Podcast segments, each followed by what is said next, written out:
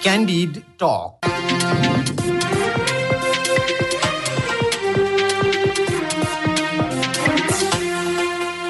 नमस्कार क्यान्डिड टकमा तपाईँलाई स्वागत छ। म धीरज बस्नेत। रेडियो क्यान्डिडको प्रस्तुति कार्यक्रम क्यान्डिड टक तपाईँले शनिबार बाहेक हरेक दिन बिहान साढे छ बजेबाट सात बजेसम्म आधा घन्टा सुन्दै आइरहनु भएको छ। समसामयिक विषयमा कुराकानी हुने यो कार्यक्रम तपाईँले काठमाडौँ उपत्यका र आसपासका जिल्लामा बयानब्बे दशमलव सात मेगाहर्जमा रेडियो क्यान्डिडको आधिकारिक फेसबुक पेजमा हाम्रो पात्रोमा रेडियो क्यान्डिडको एप्स डाउनलोड गरेर र पोडकास्टमा समेत सुन्न सक्नुहुन्छ। दुई वर्ष लामो प्रतिबन्ध फुकुवा भएपछि खुल्ला राजनीतिमा आएको नेत्र विक्रमचन्द विप्लव नेतृत्वको नेपाल कम्युनिस्ट पार्टीले मुलुकमा स्थानीय तहको निर्वाचन घोषणा र संसदबाट अमेरिकी परियोजना एमसिसी अनुमोदन भएसँगै आफ्नो सक्रियता बढाएको छ। नेकपाले वामपन्थी राजनीतिक दलसँग मोर्चाबन्दी गर्दै एमसिसी विरोधी आन्दोलन चर्काइरहेको छ भने संसदबाट विपक्षमा उभिएका दल र नेताहरूसँग संवाद मार्फत आफ्नो सक्रियता बढाएको छ। नेकपाका महासचिव विप्लवले संसदमा एमसिसी सम्झौता विरुद्ध आवाज उठाउने दल र नेतालाई भेटेर सहकार्यका लागि आग्रह गर्नु भएको छ। यस्तो आग्रह किन गरिएको? यो बीचमा विप्लवले स्थानीय तहको निर्वाचनका लागि आफ्नो स्थान खोजिरहेको हो वा सहकार्य गरेर नयाँ मोर्चा बनाउन लागि परेको हो। यस विषयमा आज हामी कुराकानी गर्दैछौँ। नेत्र विक्रम चन्द विप्लव नेतृत्वको नेपाल कम्युनिस्ट पार्टीका नेता गुणराज लोहनीसँग। लोहनीज्यू यहाँलाई स्वागत छ क्यान्डी टकमा। हस् धन्यवाद नमस्कार। सबैभन्दा पहिला चाहिँ तपाईँहरूले एकाएक पछिल्लो समय सक्रियता बढाउनु भएको छ जसरी तपाईँहरू खुल्ला राजनीतिमा आएको केही समयपछि र दोस्रो पटक शेरबहादुर देउवा प्रधानमन्त्री भएपछि जुन खालको सक्रियता थियो अहिले त्यही खालको सक्रियता छ। यो सक्रियता चाहिँ के का लागि हो खास? होइन सक्रियता हामी त हाम्रो त जहिले पनि थियो होइन भइरहेको छ। अब हामी अब एउटा वर्गीय मुक्ति आन्दोलनमा लागेको पार्टी भएको कारणले गर्दा सधैँभरि हामी सक्रिय नै छौँ। अब मूल रूपमा अहिले के हो भने तपाईँले अघि प्रसारण गरे जस्तो गरेर एमसिसी सम्झौता जुन राष्ट्रवादी सम्झौता छ त्यो अस्ति गएको पन्ध्र गते जुन पारित भयो संसदबाट एकदम नाटिकै ढङ्गले। त्यो सबै जनताको विरुद्धको बावजुद केही अब देशभक्त संसदहरूको विरुद्धको बावजुद जुन पारित भयो त्यसलाई कुनै पनि हालतमा कार्य कार्यान्वयन गर्न दिनु हुँदैन भन्ने उद्देश्य सहित हामीले अब संसदवादी पार्टीभित्र भएका देशभक्त जो चाहिँ एमसिसी विरोधी छन्।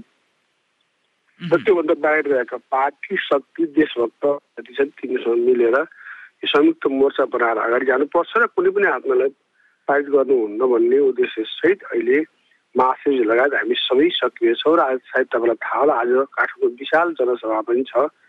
हामीले भ्याली वरिपरिका जनता बोलाएर सभा पनि गर्दैछौँ। त्यो पनि संयुक्त छवटा पार्टीको आज चाहिँ विद्युत सभा हुँदैछ।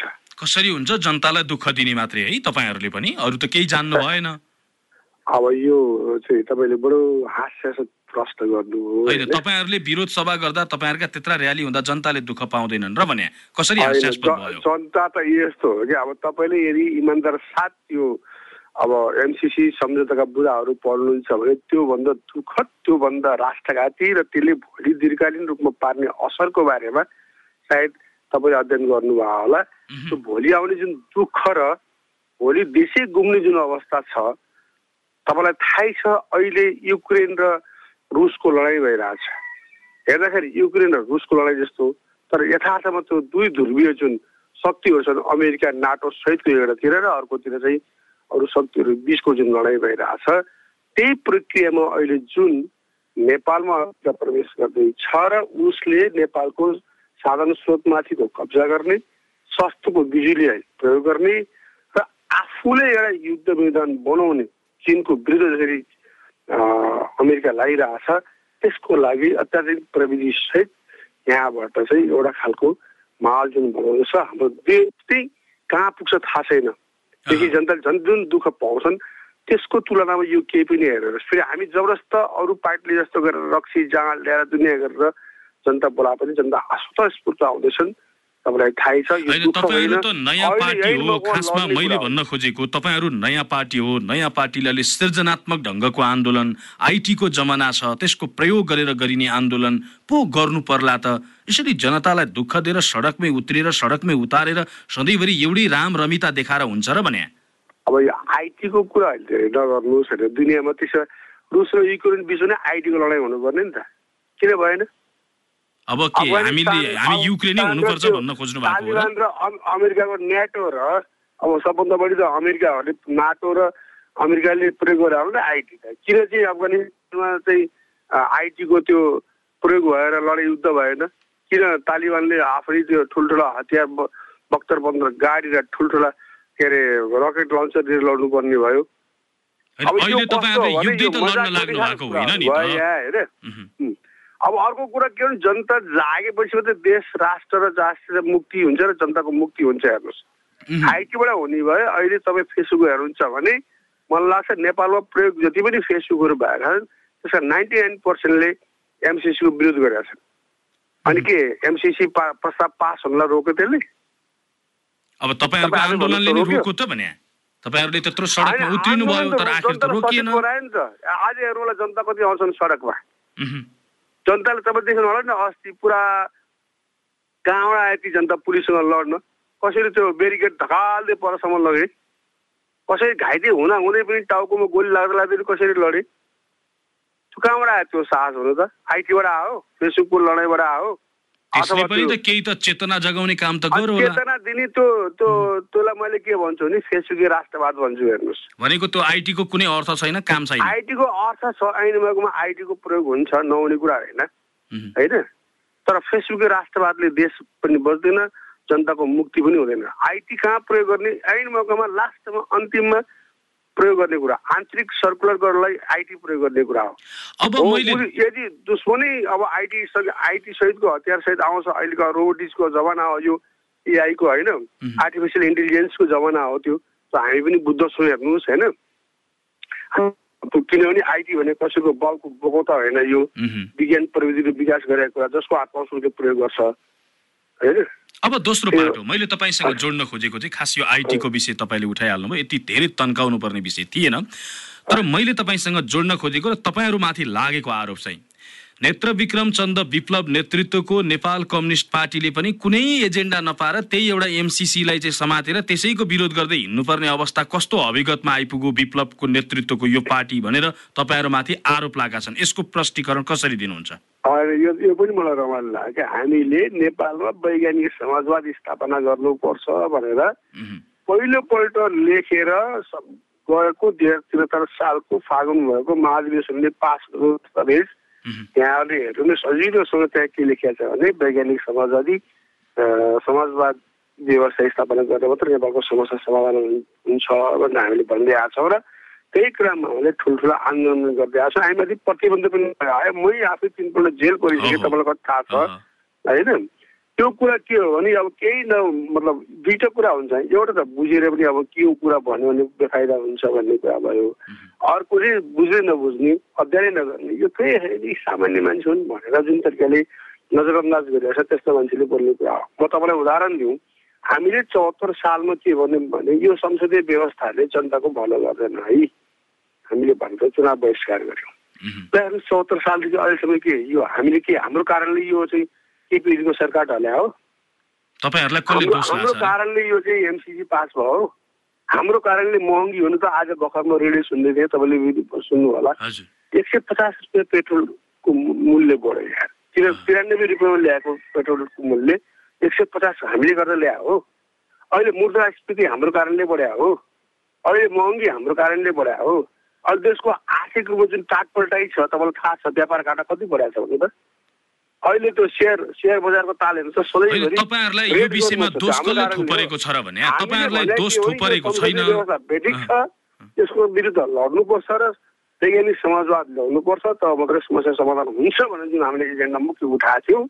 उठाउने क्रममा यी के आइपुग्यो त्योभन्दा राष्ट्रघाती सम्झौता जुन चाहिँ एमसिसी भयो त्यसको कारणले गर्दा हामी फरक तरिकाले अहिले चाहिँ देशभक्त हुनुपर्छ है। अहिले चाहिँ अब कम्युनिस्ट काङ्ग्रेस अथवा अरू केही देशभक्त भनेर छुट्याउनु भने पहिला नेपालको स्वाधीनता बचाउनु। नेपालको सार्वभौमता बचाउनु पर्यो। नेपालको साधन स्रोत बचाउनु पर्यो।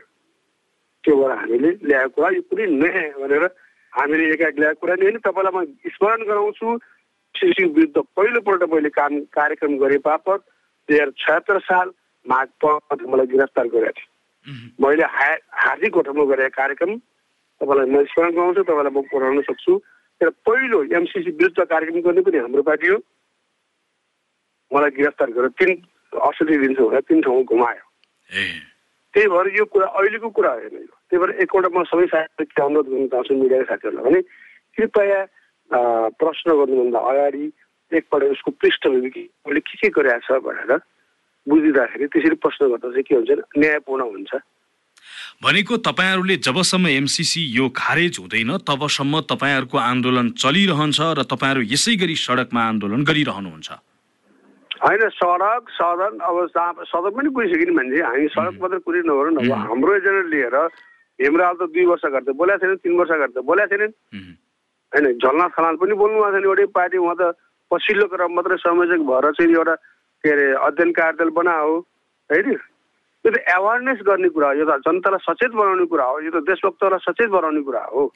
एउटा कुरा यहाँले के बुझिराख्दा ठिक हुन्छ भने हामीले कुनै पनि हालमा एमसिसी यो सम्झौता पारित के अरे कार्यान्वयन हुन दिँदैनौँ। तपाईँलाई थाहा होला जनताले नुवाकोटको जग्गा कब्जा गरेका छन् पाल्पामा कब्जा गरेका छन् अब तनहुमा कब्जा गरेका छन्। कसरी बनाउँछ हेरौँ त।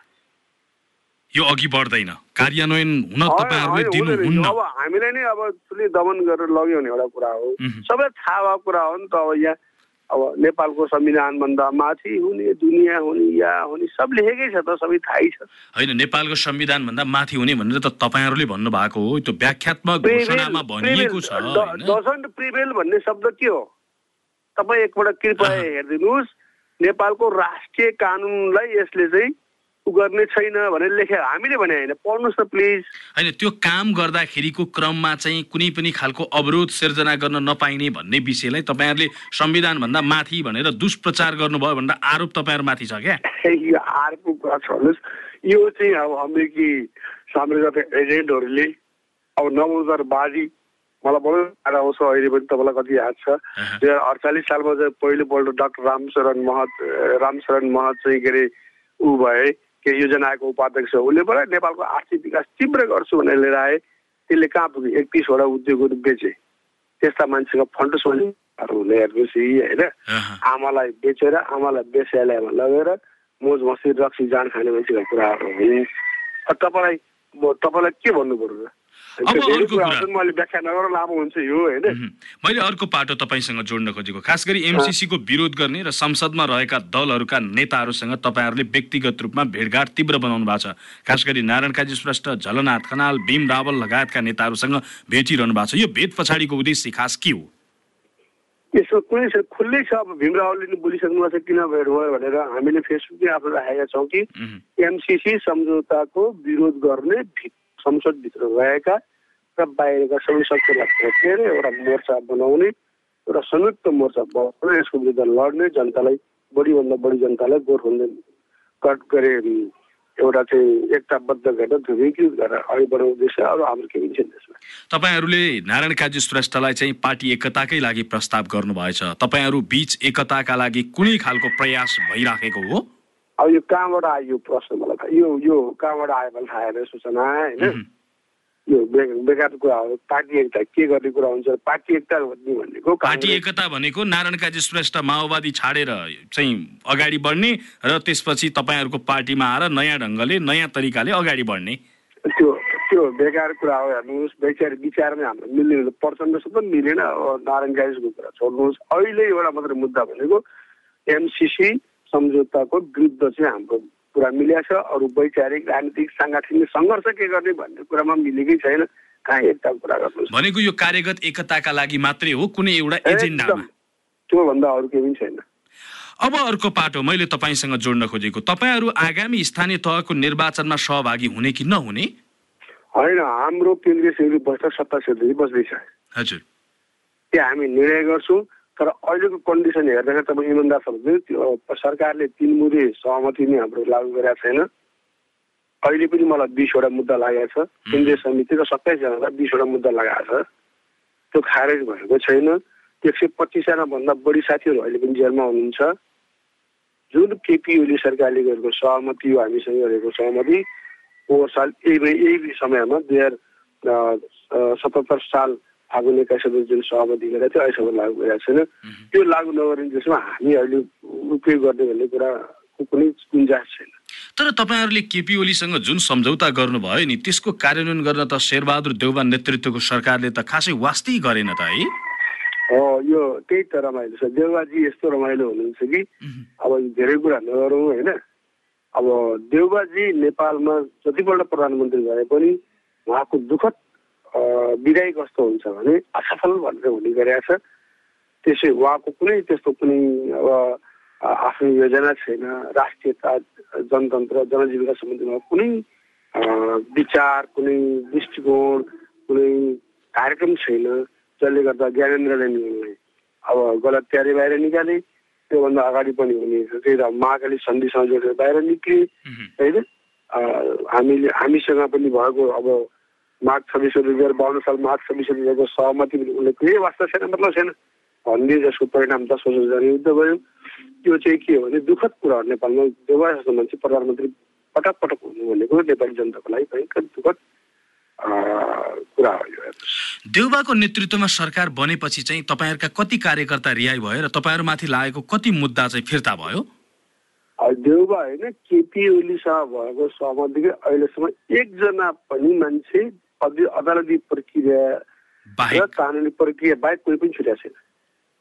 यो भनेको त तपाईँहरूमाथि अझै पेलान हो त तपाईँहरू त तै पनि उनले यस्तै गर्छन् त्यही हो। मान्छेले के सम्झिन्छ भने मूर्खहरूले बुझ्दैनन् हेर्नुहोस् बाहन्न सालमा पेलेकै हुन् त्यो पेलानको परिणाम के भयो? राजतन्त्रको अन्त्य भएर गणतन्त्र आयो। अबको पिरानले के हुन्छ अब त होइन तपाईँहरू शान्तिपूर्ण राजनीतिमा आउनु भएको छ तपाईँहरू आफ्नो ढङ्गले सक्रिय हुनुहुन्छ तर तपाईँ का तपाईँहरूका कार्यकर्ताहरू अझै जेलमा छन् मुद्दा खेपिरहेका छन्। यो विषयमा त खासै तपाईँहरूले त्यति ठुलो आवाज सरकार सामु राखेको जस्तो त फेरि सुनिँदैन। सुने होइन दर्जनौ पल्ट केपी देवबालाई नि भेटेका छ। त्यो के अरे गृहमन्त्रीलाई नि भेटेको छ। हाम्रो प्रवक्ताले भेटिरहेको छ। अब देव प्रधानमन्त्री भयो त्योसँग पछि नै महासचिवले पनि भेटिराख्नु भएको छ। उनले हुन्छ हुन्छ कानुनी प्रक्रिया मिलाउँछ यहाँ आउँछ भन्छन्। यस्ता राष्ट्रघाती देशघातीहरूले के को हाम्रो मुद्दालाई बुझ्छन्? अब सरकार व्यवस्था गरिरहने तपाईँहरूले आफ्ना चाहिँ सबै सरकारसँग गरेको सम्झौता तपाईँहरू मानेर आउनुभयो। सरकारले मानेन तपाईँहरूको अबको अगाडिको कदम के हुन्छ त? यो यसै गरी ठिकै छ चल्दै गर्छ भन्ने हो। होइन हामी आफ्नो हामी यो सहमति हामीले यो शान्ति सम्झौता गर्ने भनेको के हो? कुनै पनि सहमति सम्झौता दोहोरो हुन्छ स्वीकार गर्नुपर्छ दुइटैले कार्यान्वयन गर्नु सरकारले स्वीकारेन कार्यान्वयन भएको छैन स्वीकार गरेन भने त्यसको परिणाम के हुन्छ? आफै बुझ्ने कुरा हो। के हुन्छ त? तपाईँले भनिदिनुहोस् न प्रश्न के हुन्छ भन्ने कुरा होइन। हाम्रो मुख्य एजेन्डा भनेको हामीले तपाईँलाई अघि नै भने वैज्ञानिक समाज व्यवस्था ल्याउने हो। र सरकारले हामीलाई शान्तिपूर्ण तरिकाले हामीलाई कार्यक्रम गर्न दिनु पर्यो हामीले जन्म सङ्ग्रह कुरा गऱ्यौँ। अब त्यो पनि गरेका छैन। भनेपछि हामीलाई धकाल्दैछ उसले कतातिर ढकल्दै बाध्यता बाध्यता बस उसले जनतातिर लगर्दैछ। जनतातिर जा भन्दा छ हामी जनतासहित हामी आउँछौँ फेरि सहरमा आउँछौँ। जनतासँग आउँछौँ भनेको चाहिँ तपाईँहरू पहिला जस्तो भूमिगत भएर अब फेरि हामी पहिला जस्तै गतिविधि गर्छौँ चाहिँ भन्न नसक्ने वा त्यो गर्न नसक्ने अवस्थामा पुग्नु भएको हो अब? त्यो होइन तपाईँले भन्नु न आइटी आइटीको जमानामा कुनै कुरा लुक्दैन हेर्नुहोस्। कुरा बुझ्नु विश्वका प्रत्येक मान्छे कहाँ बसेछ कुन पोजिसनमा छ भनेर गुगल गुगल अर्थबाट दुनियाँबाट मान्छेले खोजेर पत्ता लगाउँछ। यो जमानामा अब त्यो हिजोको यस्तो भूमिगत हुने हिजो जस्तो जङ्गलमा जाने हिजो जस्तो लुकेर बस्ने यो सम्भव छैन तपाईँहरू जङ्गल पनि नजाने र सङ्घर्ष पनि त्यसरी नगर्ने चुनावमा पनि भाग लिने नलिने अन्यलता रहिरहने भनेपछि गर्ने के त? होइन अन्यलता कुरै छैन। जङ्गल जाँदा हामी कहिले जङ्गल गएको र? जङ्गल नगए नि एक ढङ्गले तपाईँहरूको ठुलै आतङ्क त थियो नि। हाम्रो नेताहरूलाई कहाँ जङ्गलबाट समाते र हिजो सुदर्शनलाई कमरेड हेमन्त प्रकाश कहाँबाट समाते धर्मेन्द्र वास्तवलाई जङ्गलबाट समाते हो होइन तपाईँहरू एक ढङ्गले अर्ध भूमिगत तरिकाले त बस्नु भएकै हो नि। कहाँ खुलेर हिँड्नु भएको थियो र? थोरै थोरै त्यो अब प्रशासनसँग जोगिएर बस्या हो आफ्नो तालले बस्या हो। त्यो भने मतलब के हो भने अबको आन्दोलन भनेको हिजो कस्तो जनयुद्ध जस्तो दस वर्ष जनयुद्ध जस्तो अब हुने कुरा होइन के के सकेछ त्यसले हान्ने अब मैले भन्न खोजेको चुनावमा तपाईँहरूलाई भाग लिनका लागि चाहिँ केले रोक्छ त त्यसो हो भने जनतासँग जाने भनेको जनताको मन जित्ने भनेको त चुनाव नै होला नि त। तिन बुझे सहमति लागू गर्नु पर्यो। त्यो भन्दा दायाँ बायाँ हुँदैन। त्यो हुँदैन हामी छलफल गर्दैछौँ। मैले तपाईँलाई भने केन्द्रीय समिति बैठकमा छलफल गर्दैछौँ। तिन बुझे सहमति लागू गरेर त्यहाँ तिनवटा कुरा भनेको छ तपाईँलाई थाहा होला। एउटा चाहिँ दुईटी अब राज्य र विद्रोही पक्ष। नेपालमा नेपालमा राजनीतिक समस्या रहेकोले सामाजिक राजनीतिक आर्थिक समस्या रहेकोले त्यसको समाधान शान्तिपूर्ण तरिकाले गर्ने सहमति भएको छ भने आर्थिक समस्या नेपालमा छ भने सरकारले नै स्वीकार गरेको छ। राजनीतिक समस्या छ भने सरकारले नै स्वीकार गरेको छ। एउटा कुरा छ दोस्रो कुरा अब नेपाल कम्युनिस्ट पार्टीमा लागु पर्यन्त हटाउनु भनेर हटाएर। तेस्रो कुरा सबै बन्दीहरूलाई होइन रिहा गर्ने र सबै माथिलाको मुद्दा खारेज गर्ने। भनेर. त्यो तिनवटा लागु भएपछि हामी छलफल गर्न सक्छौँ के हो चुनावमा जाने नजाने भन्ने कुरा। त्यो तिनटै कुरा छैन अनि के जाने? सम्झौता त आलोचनावादी हो र। हामी हारेर आएर।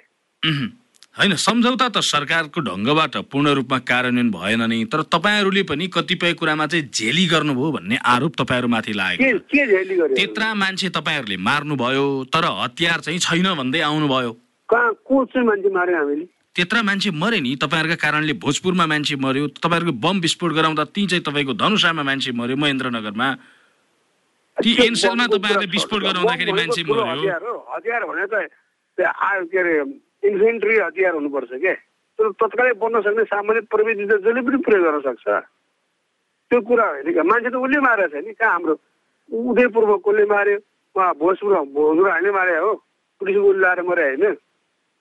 कहाँ चाहिँ हतियार प्रयोग गरेको छ? हतियार कि अब अब कहाँ पुरो हतियार प्रयोग गर्छ? टार्गेट कहाँ टार्गेटेड वेपन कहाँ प्रयोग गरेको छ? के हो युद्ध भनेको भनेको हतियार तपाईँहरूसँग थिएन जसका कारणले त्यो हतियारको विषय उठाउन जरुरी थिएन? होइन हतियार त सरकारले त्यही बेला सहमतिमा भन्थ्यो नि त हतियार सर लिएर आऊ भन्थ्यो किन गरेन त। सरकारले कुन बुझमा राखेको छ ल भन्नु त हतियार सम्बन्धमा?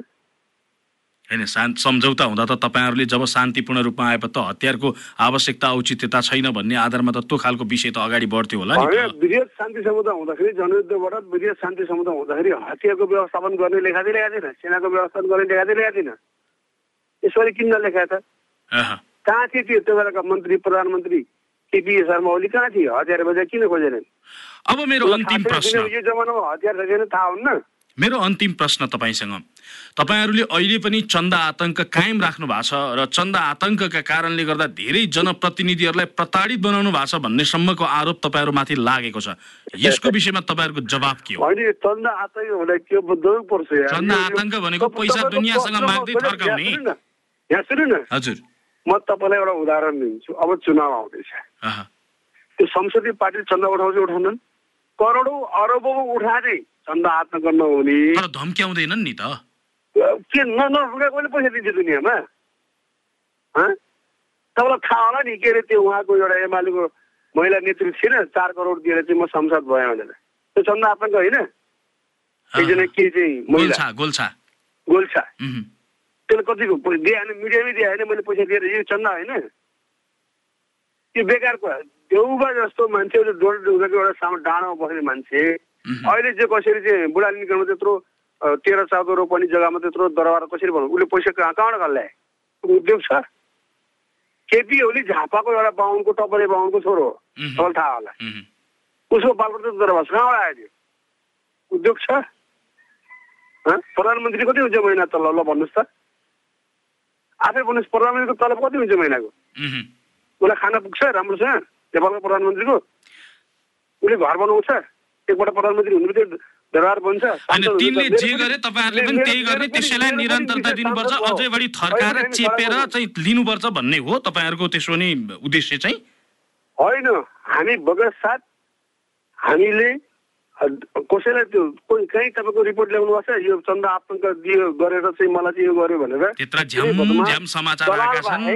दलाल फासिस्टहरू बाहेक सरकारका दलालहरू बाहेक को ल्याउनुहोस् एउटालाई? मैले मैले उठाइरहेको छु पैसा। अहिले पनि भन्नु ल हामी उठाइरहेको छौँ। आज कार्यक्रममा छ हाम्रो जनता आउँछन्। हामीले गाडीको व्यवस्था गर्नुपर्छ उठाउँछौँ हामी। तर चन्दा आतङ्क होइन। के को लागि हो त्यो चन्दा? घर बनाउनु लगायो?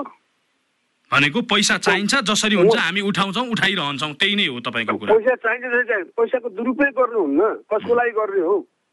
देवबाको जस्तो दरबार बनाउनलाई पनि होइन केपिटीको जस्तो दरबार बनाउनलाई होइन। संसदीय पार्टी जस्तै बाइकका ठुल्ठुला दरबार बनाउने आफ्ना छोराछोरी अमेरिका पढाउने दुनियाँ गर्नेको लागि होइन यो चन्दा उठाउनु जनताको हितको लागि जनताको पक्षमा लड्नको लागि क्रान्ति सफल गर्नको लागि जनतालाई मुक्त गर्नको लागि राष्ट्रलाई मुक्त गर्नको लागि उठाउने सहयोग हो यो। हस् यहाँलाई महत्त्वपूर्ण समय र संवादका लागि धेरै धेरै धन्यवाद।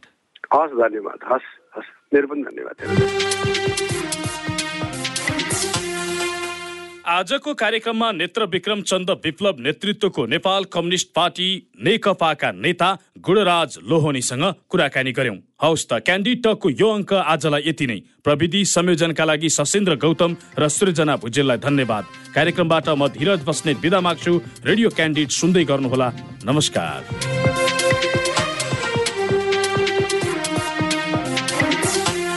Candid Talk.